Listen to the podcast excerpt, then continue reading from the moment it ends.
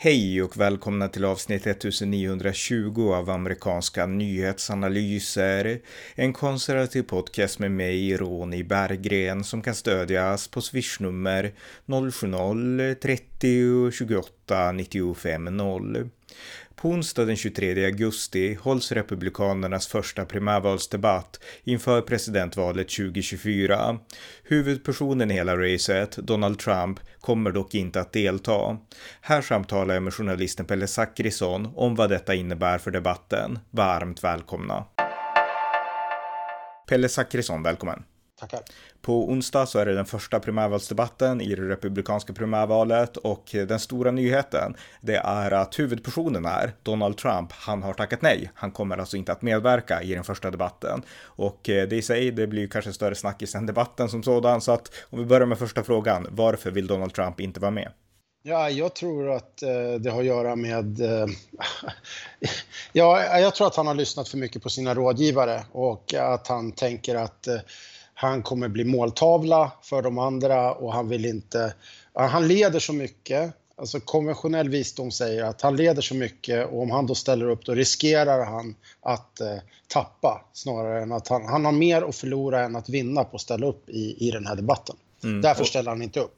Nej, och det han har förlorat då, det är att då kommer det att bli prat om 6 januari, det kommer att bli prat om alla de här åtalen, fyra åtal tror jag som man är inblandad i. Och eh, oavsett, jag menar skuld i frågan så, så är det ändå liksom en nackdel att bli pratad om på det sättet. Så att jag menar, tror du att det är rent strategiskt han väljer eller liksom, för att jag fick ju ändå känslan av att han är en fighter, han vill debattera till varje pris och han är inte rädd för debatter, Trump egentligen. Så att eh, det kanske ligger något i att det är rådgivarna som har liksom på något sätt ändå fått honom att inse att du har inget att vinna på att vara med. Ja, jag, jag, tror inte att... Eh, vi har ju pratat om det där tidigare och jag var ju då tvärsäker på att han, att han skulle ställa upp. Just för att det är i hans natur. Och jag, mm, tror jag trodde också det. Jag, ja, mm. och, och jag, alltså jag, jag säger så här, jag, jag, tror det när jag ser det. Alltså det, skulle inte, det är fortfarande så här att eh, han kan fortfarande dyka upp där på debattkvällen. Men för att och det är någonstans i Donald Trumps natur är det ju att när han möter en fara, då går han in i den. Och eh, hans väljare har ju som, eh, hans supporters är ju vana vid att Donald Trump, eh, när, om han då ställs mot etablissemanget, då undviker han inte, då flyr han inte. Han flyr inte fältet, han undviker inte en sån här debatt, utan han går in i det. Eh, dessutom när Donald Trump är den överlägset bästa debattören. Så jag tycker ju att det är ett uh, uselt val av, av Trump faktiskt. Mm. Men eh, det kommer, alltså alla andra kommer att debattera då, så då kommer det bli fokus på vem är, vem är den bästa tvåan. Eh, mm. Vad tänker du om, eh, ja, om det? Om, om, deras, om de andras möjligheter att synas nu? Alltså, Trump har ju sugit syret ur rummet. Kommer det här bli chansen för dem att synas på något sätt som de inte hade kunnat om Trump hade varit med? Ja, det tror jag. Det är faktiskt, eh, det här är den lilla chansen som finns för eh, ett alternativ till Trump. För att om man tittar på mätningar då, så är det i, inom, bland de republikanska väljarna så består det av ungefär 50 procent av republikanska väljare stöttar Trump och 50 procent av de republikanska väljarna är antingen eh, kan, kan tänka sig Trump eller är mot Trump. Alltså att de är eh, de kan både, både rösta på Trump eller inte rösta på Trump. Så att Trump tror jag har stöd. Eh, alltså det stödet för Trump är inte, det är liksom inte hundraprocentigt bland republikanska väljare i, en, i en, ett slutligt val med, mot, om man ställs då mot en eh, demokrat. Mm. Så att jag tror att det finns en, en lucka men, men det är svårt att se vem det är som skulle liksom vara alternativet. Det man har pratat om länge det är ju att det hade krävts kanske bara en motkandidat mot Trump mm. för att kunna samla alla de här som inte vill rösta på Trump. Och nu är det ju, alltså de som har kvalificerat sig för debatten då och som kommer att vara med, det är följande.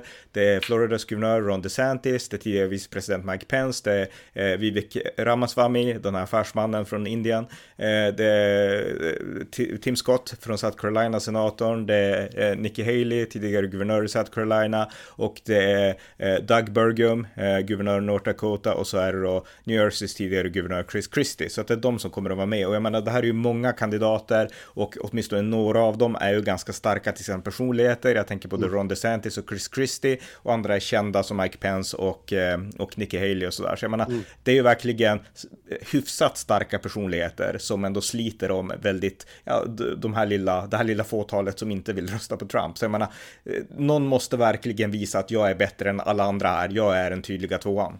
Ja, jag tror att det här är ju efter den här debattkvällen då kommer vi ha ett tydligt svar på finns det en realistisk utmanare och det skulle kunna vara en jag tror att det kan vara något relativt okänt namn, eh, exempelvis Doug Burgum från North Dakota, guvernören där. Jag tycker att han är ett intressant namn och han, har, han är inte känd för en bredare allmänhet, men han har ju i North Dakota ett enormt stöd och då tänker jag, ja men det finns ju någonting bakomliggande kring det där och så när man tittar på hans policies och så vidare, då eh, väldigt eh, business eh, oriented och att han skulle då kanske om man då får möjligheten att eh, skina på en större scen, kunna ta den här platsen som Donald Trump annars hade.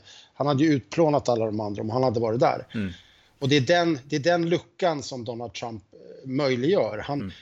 Det är fortfarande inte en, en jättestor chans att det blir så, men, men hade Trump varit där, då hade det bara handlat om att kommer de kunna attackera Trump? Nu kommer det istället bli så att kommer de här kandidaterna att kunna göra sitt eget case. Ja, och man kan säga att det här blir också en styrka för de riktigt små kandidaterna. Jag menar som Doug Burgum som du nämnde nu. Jag menar, han, är, han är stor i North Dakota men ingen annan vet vem han är ungefär. Så jag menar, han får verkligen en chans att skina. Medan större kandidater som, jag menar framförallt Ron DeSantis och Mike Pence, det måste kännas som ett rejält nedbyte att stå där och prata med de här liksom icke-kändisarna ja. och kungen på toppen får de inte ens träffa liksom. Nej. Eh, och jag tänker att många av de här eh, större namnen, de hade ju för, säkert då för, redan börjat förbereda sig för hur ska de eh, gå till attack mot Donald Trump och så vidare. Men, men det, jag, tror att, jag tror att det blir ett, en väldigt rolig debatt att följa just för att se de här mer okända namnen och, och Fox News då, som kör den här debatten de har ju redan börjat framea det hela i att ja, men nu blir chansen att se vad vad eh, de här kandidaterna står för. Och mm. Eh, det blir eh, det blir ett litet annat typ av upplägg än, än om Trump hade varit med. Och, sen ett, ett par ord om, om Chris Christie som har eh, faktiskt gått rätt bra. Vi har ju pratat lite grann om Christie tidigare och att det handlade, han har ju varit inne mycket att det har handlat om att sabba för Trump. Men, men i en ny mätning så så ligger han ju på andra plats om det är New Hampshire tror jag. Och nu är de ganska moderata, de republikanska väljarna, men, men han, han ligger på andra plats och har gått om eh, eh Ron DeSantis. Så eh, DeSantis går det ju jättedåligt för.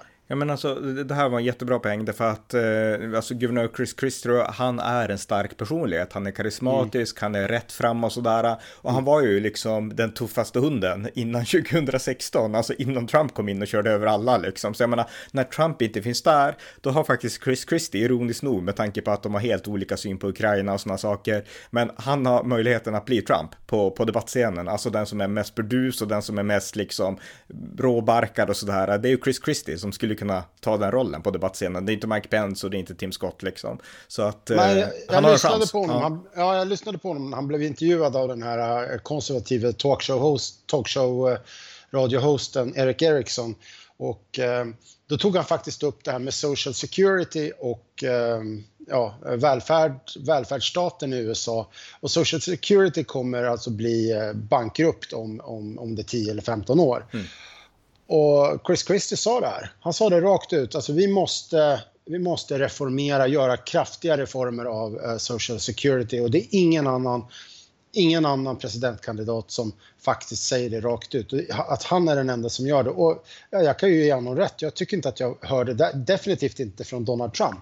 Nej, nej men alltså det här är jättebra poäng också, då vill jag kommentera det. Därför att när Chris Christie blev stor, det här var 29 när han blev vald till guvernör i New Jersey, då var det hela Tea Party-rörelsen och allt de pratade om var vikten av ekonomiska reformer. Därför att om vi höjer skatten, om vi ökar statsskulden, så kommer allt att krascha liksom. Det var det man pratade om. Och Chris Christie var en del av den rörelsen. Sen kom Trump och han pratade om allt annat än om just ekonomiskt ansvarstagande, det som brukade vara liksom en av rep republikanernas huvudfrågor. Så att Chris Christie har en fot kvar i det tänkandet och det är otroligt. Det är intressant och det är väldigt lovande. Mm. Men jag tänkte en fråga till också. Jag menar, även om Trump inte kommer vara närvarande på scenen så kommer man att debattera Trump och då är min fråga vilka kandidater kommer att ställa sig i försvarsposition för Trump och säga att han är utsatt för en häxjakt och media mot honom och vilka kommer att säga att han är en idiot, han får skylla sig själv. Vad tänker du där? Chris Christie är det tydligaste alternativet där som kommer att lyfta det här med att det är hans egna, hans egna ansvar. Mm. Och eh, sen har du den som kommer stå längst åt andra hållet då, det är ju eh, Vivek. Ja.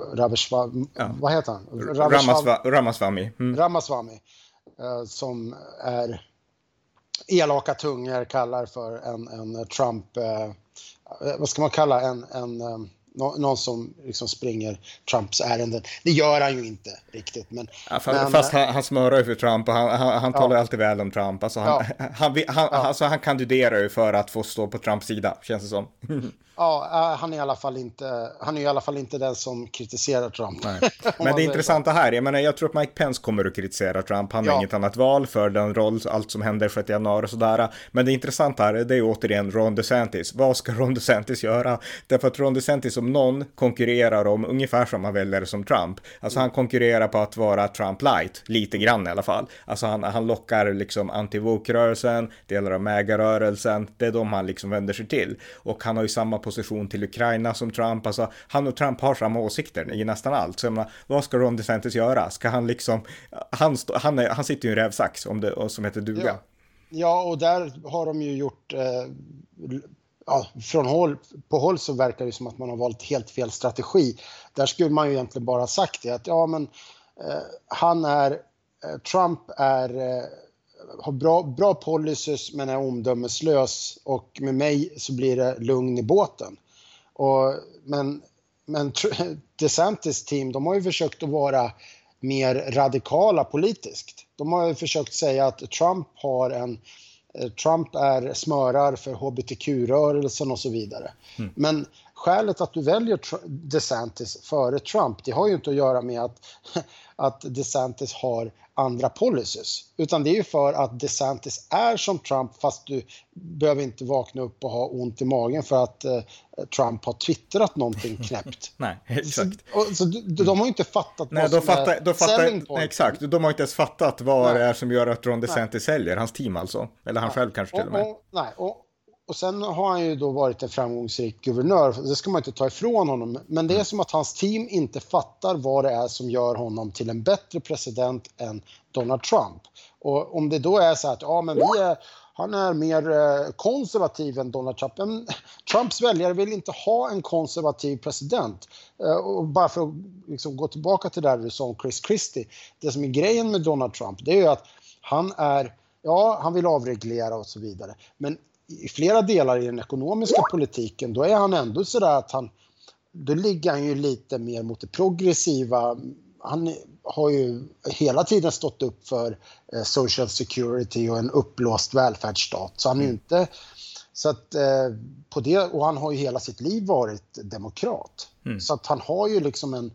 Politiskt skulle jag ju placera Donald Trump som någonstans mittemellan, kanske inte mittemellan Demokraterna och Republikanerna, men ekonomiskt, ja jag vet inte, han är ju definitivt inte eh, liksom ärkekonservativ fiskalt i alla fall. Nej, nej, verkligen inte, verkligen inte. Eh, som sista fråga då, alltså ja. det här är ju helt unikt med alltså att eh, huvudpersonen är inte med, så vad kommer det här att innebära tror du för liksom debatternas betydelse i den här valcykeln? Jag menar, kommer debatterna få minska betydelse eller öka betydelse med, med det här beskedet?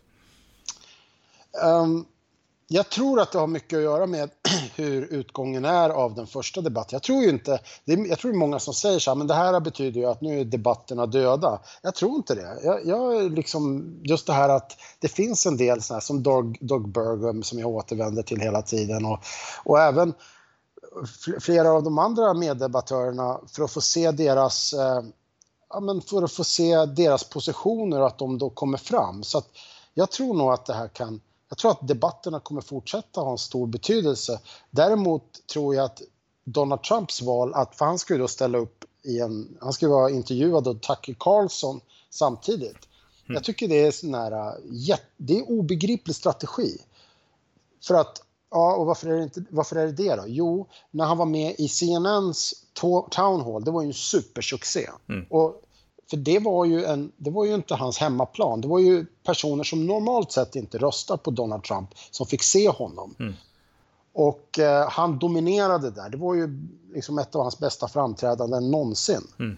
Men, men nu ska han bli intervjuad av någon, Tucker Carlson, som, är en, som gillar honom. Och det är de som, har, som redan röstar på Trump som kommer få se honom hos Tucker Carlson. Vilka som inte röstar på Donald Trump kommer att bli övertygade av en intervju hos Tucker Carlson. Nej, och med Tucker Carlson är det också alltid ja. så att det är alltid de här frågorna 6 januari, titta de hade fel. Ja. Alltså det, han hamnar ju i ett nä, han hamnar i ja. bubblan när han är med hos Tucker Carlson. Ja, jag kan ju ge en, rek en rekommendation om man, man vill till äventyrs få ett, lite, veta mer om, om po Trumps policies annat än hans syn på eh, 6 januari, då kan man se Larry Kudlows utmärkta intervju som han gjorde på Fox Business som lades upp eh, på Youtube för ett par dagar sedan. Så den, Larry Kudlow eh, som då har jobbat åt eh, Trump. Men, mm. men det är en väldigt bra policydriven intervju faktiskt. Just det, mycket bra. Ja, Okej, okay, men eh, vi får återkomma. Debatten är alltså den 23 augusti så att vi får återkomma efter det. Tack så mycket Pelle. Tack. Tack för att ni har lyssnat på amerikanska nyhetsanalyser, det konservativa alternativet i det vänsterliberala svenska mediebruset som kan stödjas på swishnummer 070-30 28 95 0 eller via hemsidan på Paypal, Patreon eller bankkonto. Skänk också gärna en donation till valfri Ukraina-insamling. Vi hörs snart igen. Tack igen för att ni har lyssnat.